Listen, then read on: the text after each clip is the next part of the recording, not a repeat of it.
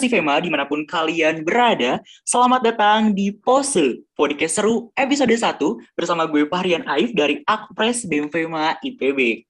Oke Sobat Prestasi, sebelumnya udah denger Pose belum nih? Kalau belum, tenang aja, bakal gue jelasin. Jadi, Pose ini adalah akronim dari podcast seru yang merupakan salah satu bagian dari program kerja Akpres BEM FEMA, yaitu iCoin iCoin sendiri berfokus pada konten kreatif seperti podcast ini yang akan membahas seputar akademik dan prestasi. Nah, pose episode 1 ini bertema FEMA Road to PKM. Keren banget gak sih? Jadi, kali ini kita bakal berbincang-bincang seputar PKM. Misalnya, gimana sih cara mendapatkan ide yang baik? Terus gimana caranya bikin proposal, juga tips and trick, serta hal-hal menarik lainnya yang ada di PKM. Nah, karena kita akan membahas PKM nih, tentunya gue gak sendirian dong. Gue bakal ditemani sama jagoan-jagoannya PKM nih. Langsung aja kita sambut Kak Rivaldi Cahyanto dari FEMA 56 dan Kak Safa Isnanda Zuliana Fasa dari FEMA 55. Halo Kak Safa, halo Kak Valdi, gimana nih kabarnya Kak? Halo Aif, Alhamdulillah baik. Halo Aif, Alhamdulillah baik juga. Halo Kak Safa, gimana Halo, kabarnya Kak? Rivaldi. Alhamdulillah baik-baik ya Kak, apalagi masa pandemi seperti ini ya, harus tetap dijaga terus kesehatannya. Nah guys, jadi kalau misalnya belum tahu nih, Kak Safa ini merupakan peraih medali emas kategori presentasi PKM RSH PIMNAS ke-33 yang mengangkat tema Forest Healing. Dan dalam ajang PIMNAS ke-34, Kak Safa bersama Kak Rivaldi dan juga tim tentunya ya, meraih medali emas kategori presentasi dan medali perunggu kategori poster PKMPM yang mengangkat tema konservasi mata air. Keren banget kan guys? Oke, jadi sebenarnya nih guys ya, buat teman-teman FEMA mungkin udah gak asing gitu sama kedua narasumber kita. Karena kedua narasumber ini aktif gitu, berorganisasi, serta memiliki prestasi yang luar biasa tentunya. Uh, Skill aja boleh nih kak, kayak Kak Rivaldi sama Kak Safa mungkin aku boleh kayak nge-spill nge-spill mengenai kakak gitu ya kak. Boleh, boleh tentu. Mangga Aif, silakan. Oke, siap-siap Kak. Nah, jadi guys, Kak Salva ini merupakan mahasiswa IKK 55 yang memiliki minat di berbagai bidang, dari editing sampai digital marketing. Nah, soal organisasi nih, yang paling terbaru, Kak Safa tergabung dalam PIK Ergantari dan Forum Genre Kabupaten Bogor. Banyak banget nih prestasi yang sudah diraih oleh Kak Safa selain dalam ajang PKM. Salah satunya nih, Kak Salva berhasil menjadi mahasiswa berprestasi Departemen Ilmu Keluarga dan Konsumen tahun 2021. Keren banget kan guys? Nah, oke sekarang eh, dari Kak Salva kita beranjak nih ke Kak Rivaldi. Kak Rivaldi juga gak kalah keren dong ya. Siapa sih yang gak kenal sama Kak Rivaldi Cahyanto ini yang sering tampil di acara-acara fakultas? Jadi, Kak Rivaldi ini merupakan mahasiswa dari Departemen Sains Komunikasi dan Pengembangan Masyarakat angkatan 56 soal organisasi nggak perlu diragukan lagi ya tentunya. Yang paling terbaru nih, Kak Rivaldi menjabat sebagai Sekretaris Eksekutif BEM FEMA 2022 dan Kak Rivaldi kerap kali tergabung dalam kepanitiaan serta berpengalaman menjadi moderator nih. Salah satunya pernah menjadi moderator dialog publik Pemira FEMA tahun 2021. Selain dalam ajang PIMNAS, Kak Rivaldi juga banyak prestasi nih. Salah satunya mendapatkan juara satu Monef PKM Departemen Manajemen IPB 2021.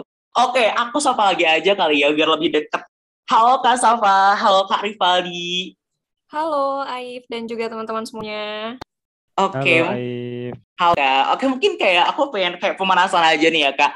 Kira-kira minggu-minggu ini kan liburan gitu ya Kak. Kesibukannya apa aja sih selama liburan ini Kak? Kesibukannya sebenarnya pengen liburan sih ya, tapi ya beginilah ya mahasiswa tingkat akhir begitu. Jadi saat ini lagi nyusun untuk tugas akhir supaya bisa lulus dari IPB University begitu Aif. Oke Kak, jadi tetap semangat gitu ya Kak buat tugas akhirnya gitu Kak. Karena ini sudah berada di fase-fase terakhir dan fase-fase puncak untuk meraih yang kita inginkan gitu ya Kak. Iya betul. Oke. Oke, kalau misalnya Kak Rivaldi gimana nih Kak? Oke, makasih Aif nih. Nah, kalau misalkan tadi Kak Safa itu kan mahasiswa akhir dengan tugas-tugas akhirnya gitu kan. Nah, kalau aku kan jadi manu- apa mahasiswa yang menuju akhir sebenarnya, mau menuju dewasa seperti itu ya.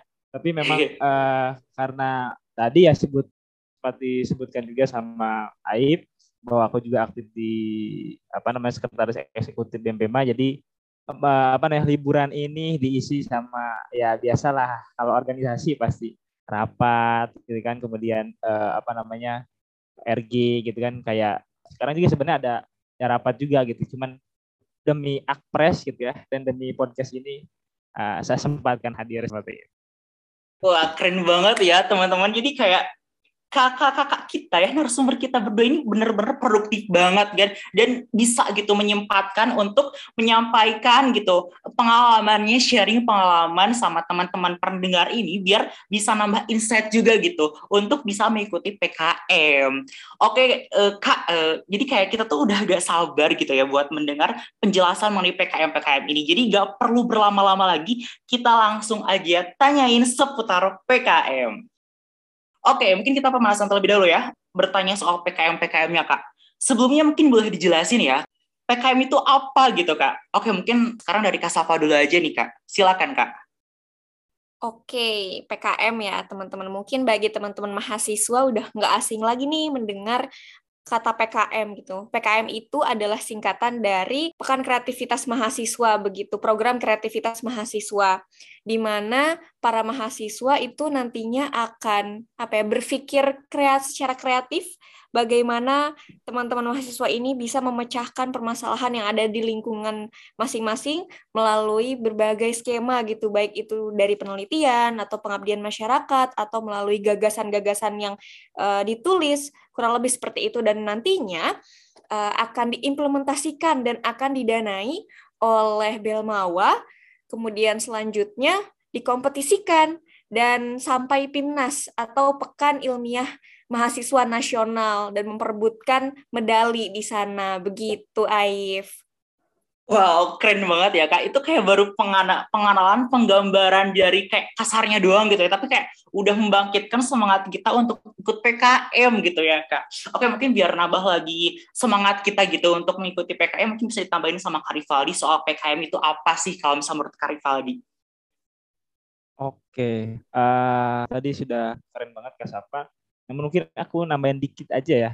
Jadi intinya program kreativitas mahasiswa atau PKM ini menurutku adalah program yang paling komplit ya dibandingkan lomba-lomba yang lain kali ya gitu. Karena dari mulai pada tahap pengetahuan sampai tahap implementasinya gitu. Jadi eh, PKM ini uh, luar biasa gitu ya apa namanya satu program yang cukup prestisius dan juga memang suatu program yang dampak uh, apa namanya uh, dampaknya itu sangat uh, meluas itu untuk masyarakat gitu ya. Jadi nggak hanya cuma gagasan tapi juga ada bentuk implementasi yang bisa membantu menolong ke permasalahan-permasalahan yang ada di masyarakat. Itu sih yang aku tahu tentang uh, program kreativitas mahasiswa itu. Oke, Kak, makasih Kak atas penjelasannya yang mungkin cukup menggugah kita gitu, menggugah semangat kita buat ikutan PKM. Nah, aku jadi kayak kepo gitu, Kak. Kak Rivaldi sama Kak Safa tuh kapan dan dari mana gitu pertama kali mengenal PKM gitu.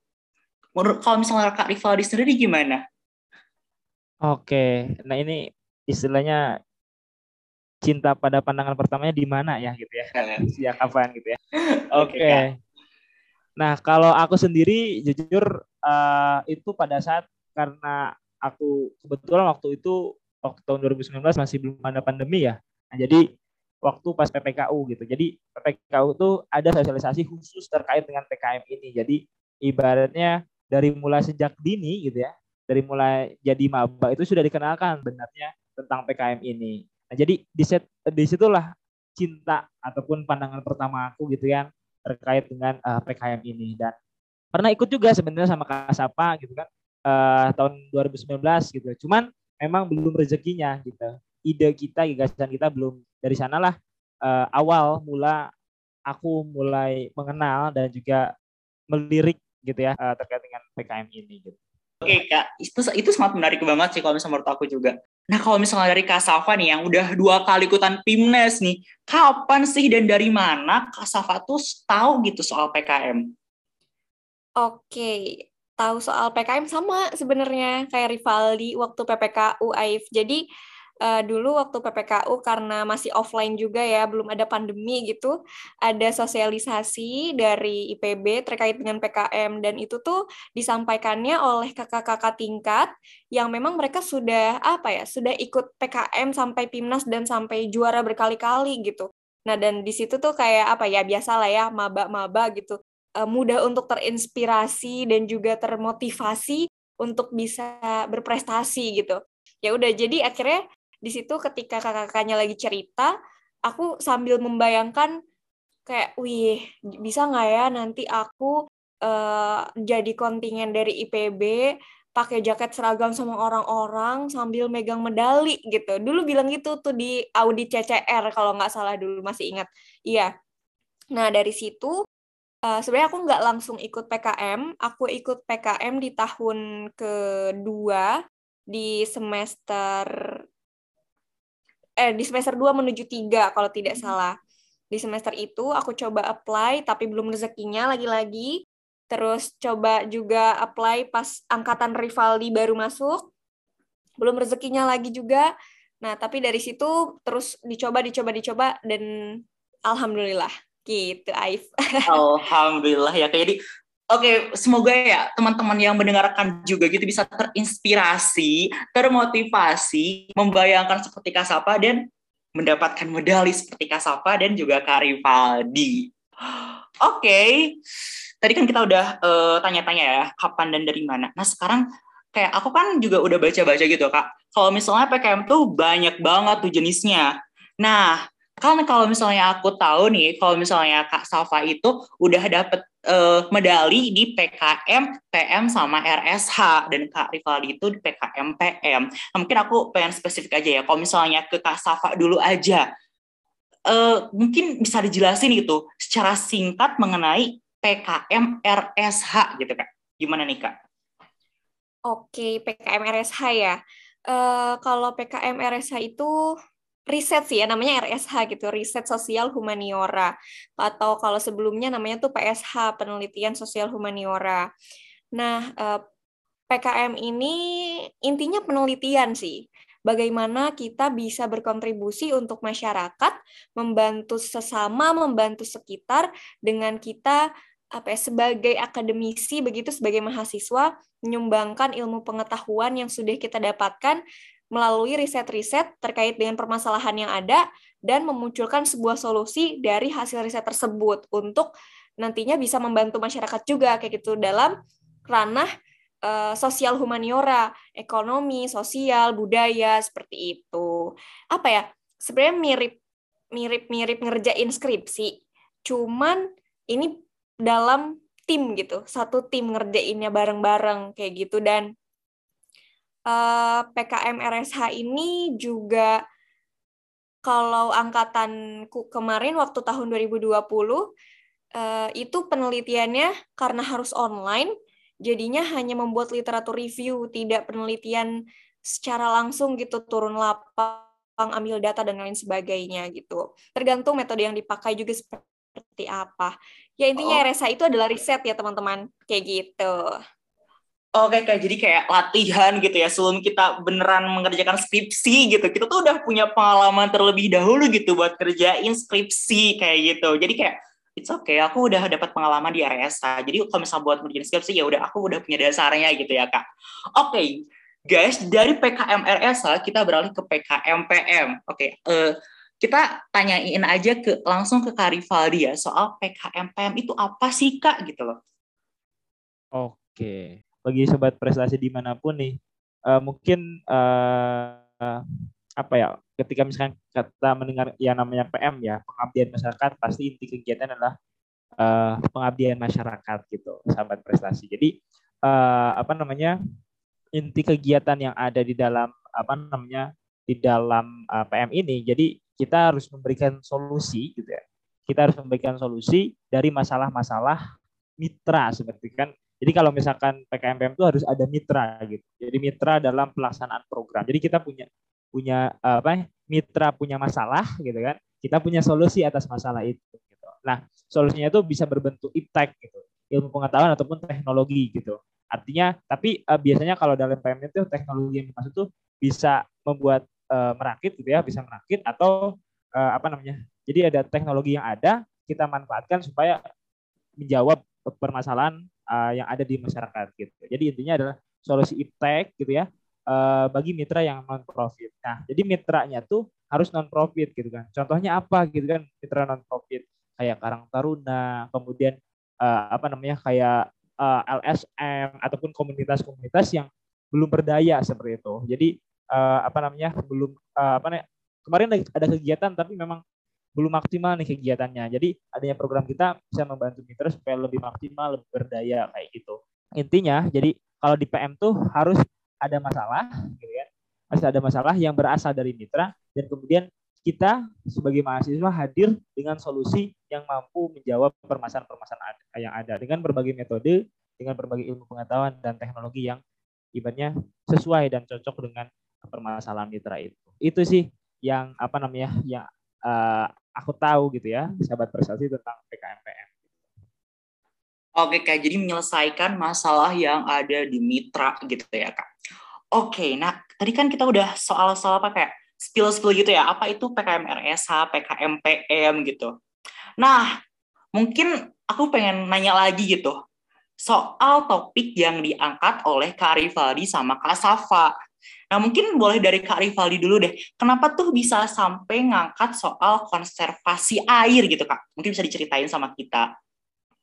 Oke, ini menarik sih sebenarnya. Karena uh, ini sebenarnya berawal dari mimpi sebenarnya ya. Uh, mimpi tentang kita sebenarnya aku Kasapa gitu kan Bang Zidan ada Irga dan Nanin ini satu kelompok tim kita gitu ya itu berasal dari SMA yang sama dan berasal dari daerah yang uh, tidak jauh-jauh gitu. Mungkin kita istilahnya uh, apa nah, kalau dari uh, kecamatan ya, wilayah kecamatan itu tetanggaan gitu. Nah, di situ ternyata ada salah satu kecamatan yang ada dominis apa merupakan domisili dari salah satu anggota uh, kelompok kami gitu ya. Itu yang punya uh, aset gitu. Yaitu adalah mata air gitu. Jadi kan mata air itu nah di mata air ini mata air ini namanya mata air Campaka. Nah, mata air ini punya peran yang sangat vital bagi masyarakat. Gitu.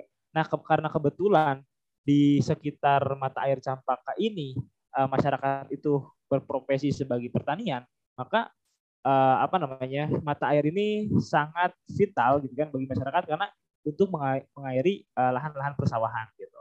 Dan juga mata air ini juga sebagai uh, apa namanya kebutuhan domestik gitu. Untuk minum, untuk mencuci pakaian, untuk mandi dan lain-lain. Itu berasal dari mata air. Nah bayangkan gitu sama sobat prestasi kalau seandainya mata air yang vital ini gitu ya hilang. Ataupun misalkan uh, mati gitu kan ataupun uh, hilang. Ya istilahnya nggak ada lagi gitu ibaratnya mata airnya gitu. Atau nggak keluar lagi nih airnya gitu. Otomatis perairan yang jadi apa yang jadi sumber utama untuk irigasi pertanian kemudian yang jadi sumber penghidupan juga itu pertanian dan juga nanti kebutuhan domestik gitu kan. Karena wilayah pegunungan gitu kan uh, apa namanya susah kalau misalkan untuk masalah air kalau misalkan seandainya hilang gitu kan keluar airnya bagaimana gitu kan. Nah tapi di satu sisi walaupun vital masyarakat itu masih acuh gitu masih kurang sadar bahwa itu tuh apa namanya mata air tuh vital gitu kegunaannya kebutuhannya untuk kita. Nah kesadaran itu yang tidak belum ada gitu yang belum ada dan belum muncul gitu. Nah akhirnya kita tuh ingin gitu ya bermimpi bahwa kita ya mudah-mudahan lolos nih tahun ini uh, apa namanya apa yang uh, untuk PKM gitu untuk pengelolaan mata air. Karena um, menurut kami gitu kan bahwa itu uh, mata air yang vital maka harus dan juga memang kesadaran yang kurang gitu dari masyarakat maka uh, kita ingin buat nih semacam bagaimana manajemen itu kan baik itu sumber daya manusianya maupun sumber daya alamnya gitu. Nah, jadi konservasi yang dilakukan oleh kami itu pendekatannya dulu apa manusia gitu. Karena gini loh, uh, apa namanya? Uh, pikirannya ketika kita misalkan konservasi lingkungan gitu ya, tapi ibaratnya manusianya tidak sadar gitu. Apa yang kita sudah lakukan misalkan saya uh, kita tuh udah nanam uh, pohon ribu-ribu uh, jenis gitu ribu bibit tapi manusia nggak sadar ya otomatis pohon itu akan mati gitu pohon itu nggak akan tumbuh gitu nah maka pendekatan yang kita lakukan adalah manajemen manusianya gitu kan Jadi bagaimana manusia itu disadarkan dulu bahwa ini tuh vital, ini tuh uh, penting gitu mata air ini. Maka harus dirawat, harus dijaga gitu. Nah setelah itu tumbuh baru kita pendekatannya adalah pendekatan lingkungan, menanam pohon, membersihkan apa area, kemudian ada jadwal pikir dan lain-lain. Jadi uh, sadar dulu manusianya, baru lingkungannya yang kita bangun. Nah, itu jadi uh, apa ya pemikiran ataupun ide kami terkait dengan uh, apa namanya permasalahan-permasalahan uh, yang ada di mitra kami gitu karena mitra kami itu juga sama gitu kan karena uh, lembaga swadaya yang ibaratnya yang tidak punya manajemen yang bagus juga gitu dan tidak punya legalitas gitu dan alhamdulillah hadirnya program kami bisa menstimulus masyarakat untuk lebih sadar dan menstimulus pemerintah gitu supaya melegalkan memformalkan lembaga ini gitu. Itu sih yang apa namanya mungkin sedikit cerita terkait dengan program yang kami buat gitu Ai. Oke kak, jadi intinya tuh kayak kita tuh harus peka gitu terhadap masalah yang ada di sekitar kita aja dulu gitu ya kak. Jadi kita yang udah merasakannya, yang kita yang udah melihat itu bisa dikembangkan menjadi topik ya, topik yang bisa diangkat di ajang PIMNAS seperti itu. Oke, dari tadi kan kita udah uh, mendengarkan itu cerita dari Kak Rivaldi. Nah, sekarang kita beralih ke Salva ya. Mungkin bisa diceritain ya Kak secara singkat, kenapa sih bisa ngangkat topik soal forest healing gitu Kak? Oke Kak, Salva mungkin bisa langsung cerita aja Kak. Oke, jadi uh, kenapa bisa forest healing gitu yang diangkat? Uh, awalnya ya pertama kita uh, literatur review terlebih dahulu karena um, PKM yang kita ambil kan riset ya, riset sosial humaniora gitu yang namanya riset pasti pasti membutuhkan data, kemudian harus ada referensi dan yang lain sebagainya. Uh, kita baca-baca dulu tuh informasi-informasi uh, ya random aja gitu, random baca-baca informasi. Kemudian salah satu anggota tim kami itu ada menemukan terkait dengan forest healing, di mana forest healing ini tuh adalah salah satu alternatif untuk me, apa ya mengatasi atau menanggulangi stres di masyarakat tapi dengan menggunakan atau memanfaatkan sumber daya alam begitu. Dan metode ini tuh sebenarnya udah diterapkan di berbagai negara di dunia khususnya di Jepang, Amerika, Australia, Kanada dan yang lain sebagainya gitu. Tapi di Indonesia tuh belum ada gitu. Dan kita melihat potensi itu di mana bahwa kita tahu uh, Indonesia ini punya banyak sekali sumber daya alam gitu ya, melimpah lah istilahnya sumber daya alamnya. Tapi kok uh, dimanfaatkan gitu kan dengan baik gitu. Nah kita berpikir bahwa kenapa si forest healing ini kita nggak diterapkan di Indonesia gitu ya udah alhasil kita melakukan riset terkait dengan forest healing tersebut gitu Aif. Oke kak, jadi kayak kita tuh harus cari-cari lagi kayak referensi-referensi yang ada, masalah yang benar-benar ada gitu. Sehingga kita tuh bisa mengangkat itu sebagai topik yang menarik gitu, diangkat sebagai uh, dilombakan gitu istilahnya dalam ajang PKM Timnas. Oke, mungkin kita uh, apa ya, biar teman-teman lebih tertarik juga soal PKM ini, mungkin aku pengen tanya, kayak apa sih yang ngebuat gitu Kak Rivaldi sama Kak Sapa itu tertarik ikut PKM dan apa aja sih kalau boleh tahu benefit yang kakak-kakak dapetin dari PKM ini?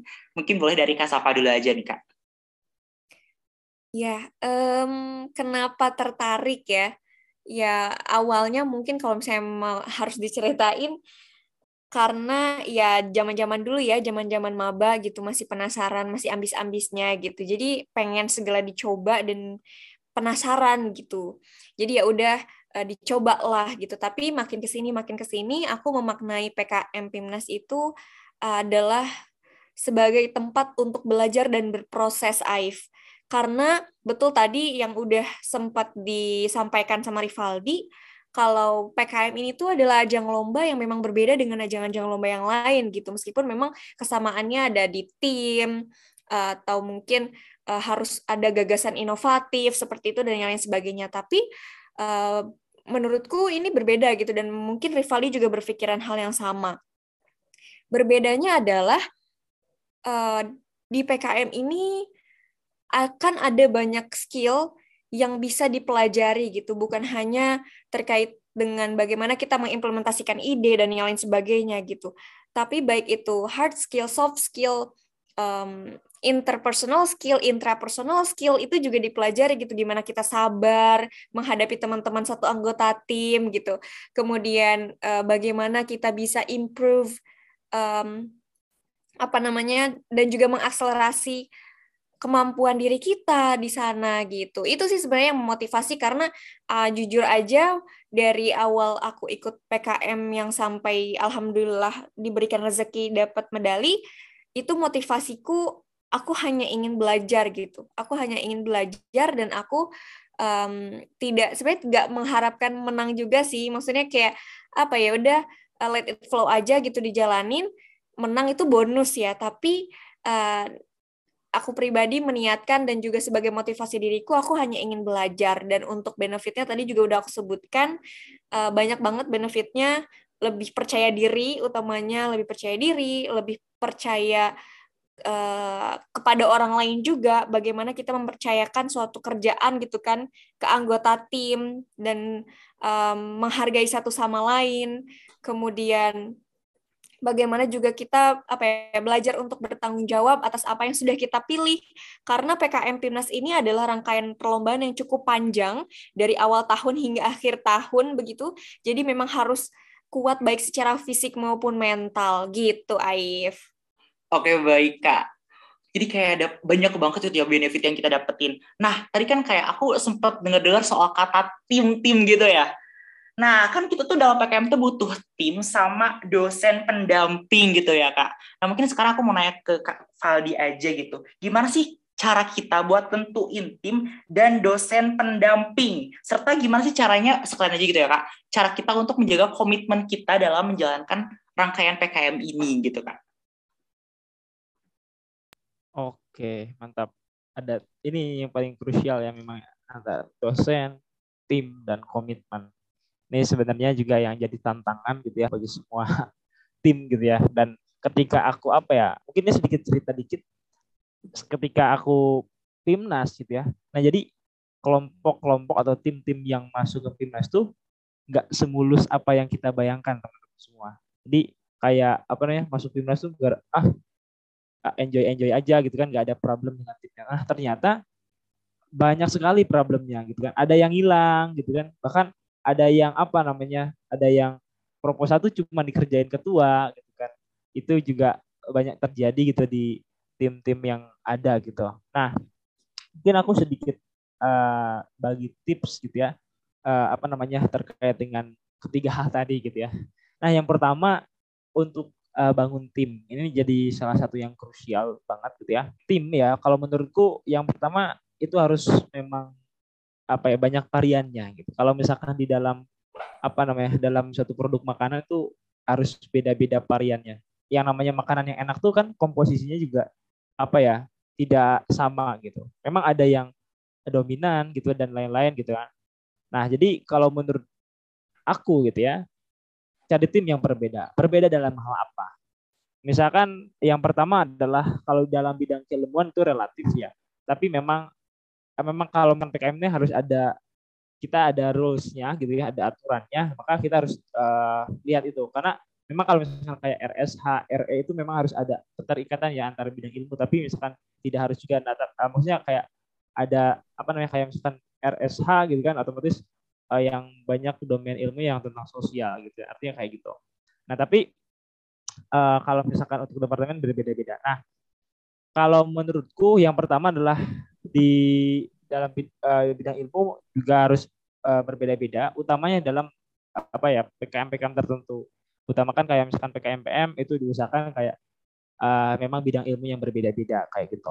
Nah kemudian yang kedua nih, itu kalau bisa nih aku sarankan memang banyak juga ya tim yang uh, yang baru-baru gitu tapi uh, maksudnya baru-baru kayak maba-maba tapi udah berhasil lewat timnas bahkan juga ada yang kemarin tuh sampai uh, menang medali gitu ya. Tapi uh, itu hanya menurutku ya, itu hanya tim-tim dari misalkan dari 10 itu cuma satu gitu.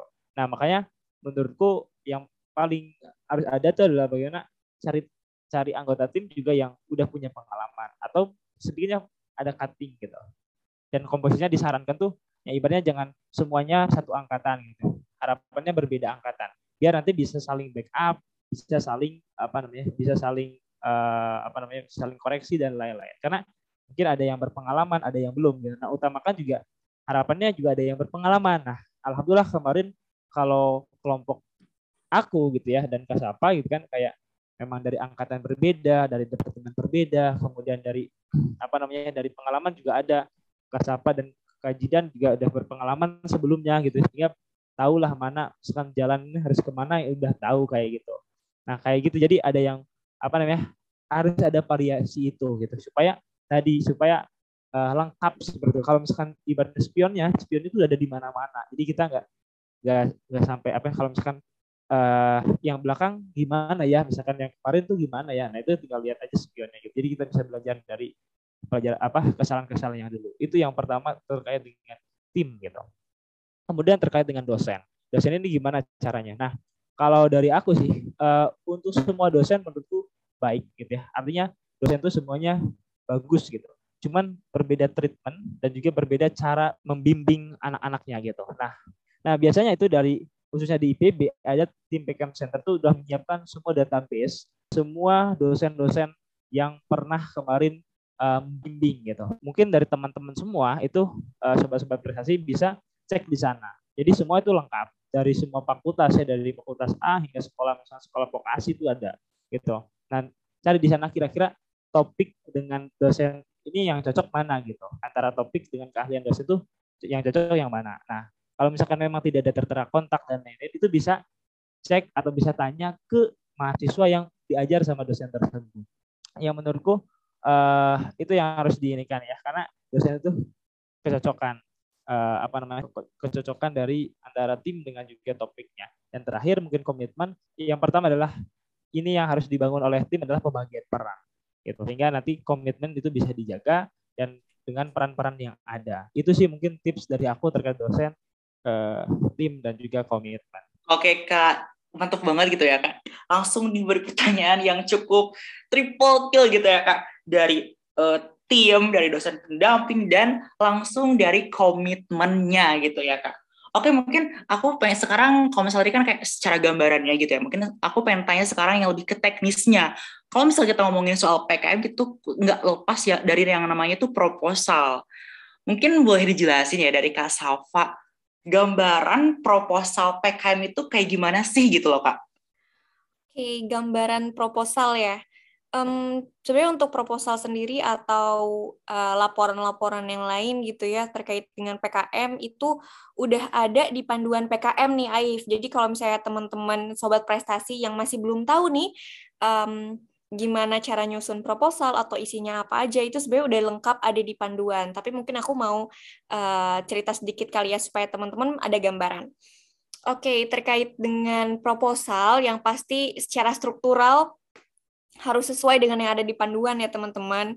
Uh, mulai dari pendahuluan, kemudian rumusan permasalahannya seperti apa, condition dari lokasi atau misalnya ini aku ngangkat terkait dengan PKM PM mungkin yang terbaru kemarin yang bareng sama Rivaldi. Karena setiap uh, skema atau skim PKM itu berbeda-beda nih aturannya gitu. Baik itu riset ataupun pengabdian masyarakat atau gagasan tertulis atau uh, karya inovatif itu beda-beda ada aturannya tersendiri terkait dengan proposal. Nah, jadi nanti teman-teman disesuaikan aja nih. Misalnya teman-teman idenya ke PKM PM. Nah, teman-teman tinggal ikutin rules yang ada di panduan PKM seperti itu. Jadi uh, biasanya tuh di latar belakang di pendahuluan itu teman-teman ceritakan latar belakangnya seperti apa, kenapa teman-teman mengambil ide tersebut, sertakan data yang kuat datanya, kemudian uh, dijelaskan juga existing condition dari uh, si mitranya seperti apa, tujuannya untuk apa, uh, kemudian permasalahannya apa, dan um, apa namanya manfaatnya apa gitu ketika kita melaksanakan pengabdian masyarakat gitu itu untuk yang PKMPM. Nah kemudian uh, dijelaskanlah metode pengabdiannya itu seperti apa gitu. Ada banyak metode yang uh, sudah ada gitu ya di dunia ini. Teman-teman bisa diskusikan dengan tim dan juga dosen pendamping khususnya terkait dengan metode pelaksanaan. Karena kan di PKM ini apa ya dilihat juga uniqueness-nya gitu, uniqueness-nya, inovatifnya karya yang teman-teman buat kayak gitu. Itu juga harus diperhatikan. Kebaruannya seperti apa. Nah, selanjutnya uh, yang pasti anggaran dana juga harus masuk ya di proposal uh, rancangan kegiatannya seperti apa itu juga harus masuk kayak gitu. Dan pembagian peran antar tim juga disebutkan tuh di proposal teman-teman. Dan jangan lupa ada lembar pengesahan juga yang harus teman-teman lampirkan di dalam proposal. Itu biasanya suka pada lupa tuh. Ada yang nggak pakai materai lah ada yang lupa ditanda tangan lah uh, kemudian ya banyak lah ya hal-hal minor atau hal-hal kecil yang seharusnya teman-teman bisa perhatikan lebih. Tapi kadang karena panik atau mungkin bingung pusing atau mungkin ya karena udah mepet banget gitu jadinya lupa. Nah, kemudian daftar pustaka juga harus disesuaikan, harus sama nih uh, sitasi-sitasi yang ada di isi proposal teman-teman dengan yang ada di daftar pustaka tuh apakah sama atau enggak itu dicek lagi kayak gitu. Karena ada satu apa ya ini satu bukan rahasia sih sebenarnya. Jadi hal-hal yang kecil itu justru harus diperhatikan gitu. Kadang bisa jadi ide kita bagus tapi secara struktur proposal kita jelek ya kalau misalnya lagi nggak hoki-hoki banget gitu ya udah itu kayak terlempar gitu aja loh teman-teman. Jadi makanya benar-benar harus diperhatikan sedetail itu. Kayak gitu kurang lebih Aif kalau misalnya terkait dengan proposal. Selebihnya teman-teman bisa cek di panduan PKM udah ada kalau nggak salah ya di IPB gitu panduan-panduan PKM Oke kak, jadi kayak harus detail banget ya soal proposal ini. Kayak menentukan gitu ya soal uh, topik yang kita angkat gitu, ide yang kita usulkan seperti itu. Oke okay guys, kayak seru banget ya pembahasan kita di episode kali ini tentang PKMPM dan PKM RSH gitu. Tentang gimana cara menentuin topik, bentuk tim, dan masih banyak lagi. Nah, agak kerasa nih kita udah ada di penghujung acara karena waktu kita yang terbatas nih guys. Tapi sebelum kita akhiri perbincangan kita kali ini, boleh dong untuk Kak Safa dan Kak Faldi untuk menyampaikan satu kalimat penyemangat untuk Sobat Prestasi biar ikutan PKM. Mungkin boleh dari Kak Safa dulu nih Kak. Oke, satu kalimat ya. Eh, kadang suka bingung ya kalau misalnya disuruh kayak closing statement gitu. Tapi nggak apa-apa. Kalau dari aku, um, simple sih. Jangan pernah berhenti bermimpi, teruslah memotivasi diri untuk tetap berprestasi. Wah, mantap banget, Kak. Oke, ingat ya teman-teman pesan dari Kak Safa. Sekarang biar lengkap dari Kak Faldi ini, Kak Faldi. Silakan Kak Faldi. Oke, aduh. Kayak dengan closing statement ya. Ya hampir sama-sama sih intinya tentang mimpi ya dari sama Kak Safa ya. Karena PKM itu adalah bagian dari mimpi maka langitkanlah mimpi karena mimpi itu akan menentukan kualitas aksi. Itu sih. Oke, mantep banget Kak Salva dan Kak Rivaldi atas penyampaian yang sungguh luar biasa. Terima kasih banyak Kak atas waktu dan sharingnya pada kesempatan kali ini ya Kak. Semoga kita bisa bertemu di lain kesempatan dan semoga sukses selalu. Oke, sahabat prestasi, mungkin cukup sekian dulu ya pose podcast seru di episode kali ini. Salam prestasi, sampai jumpa di lain kesempatan.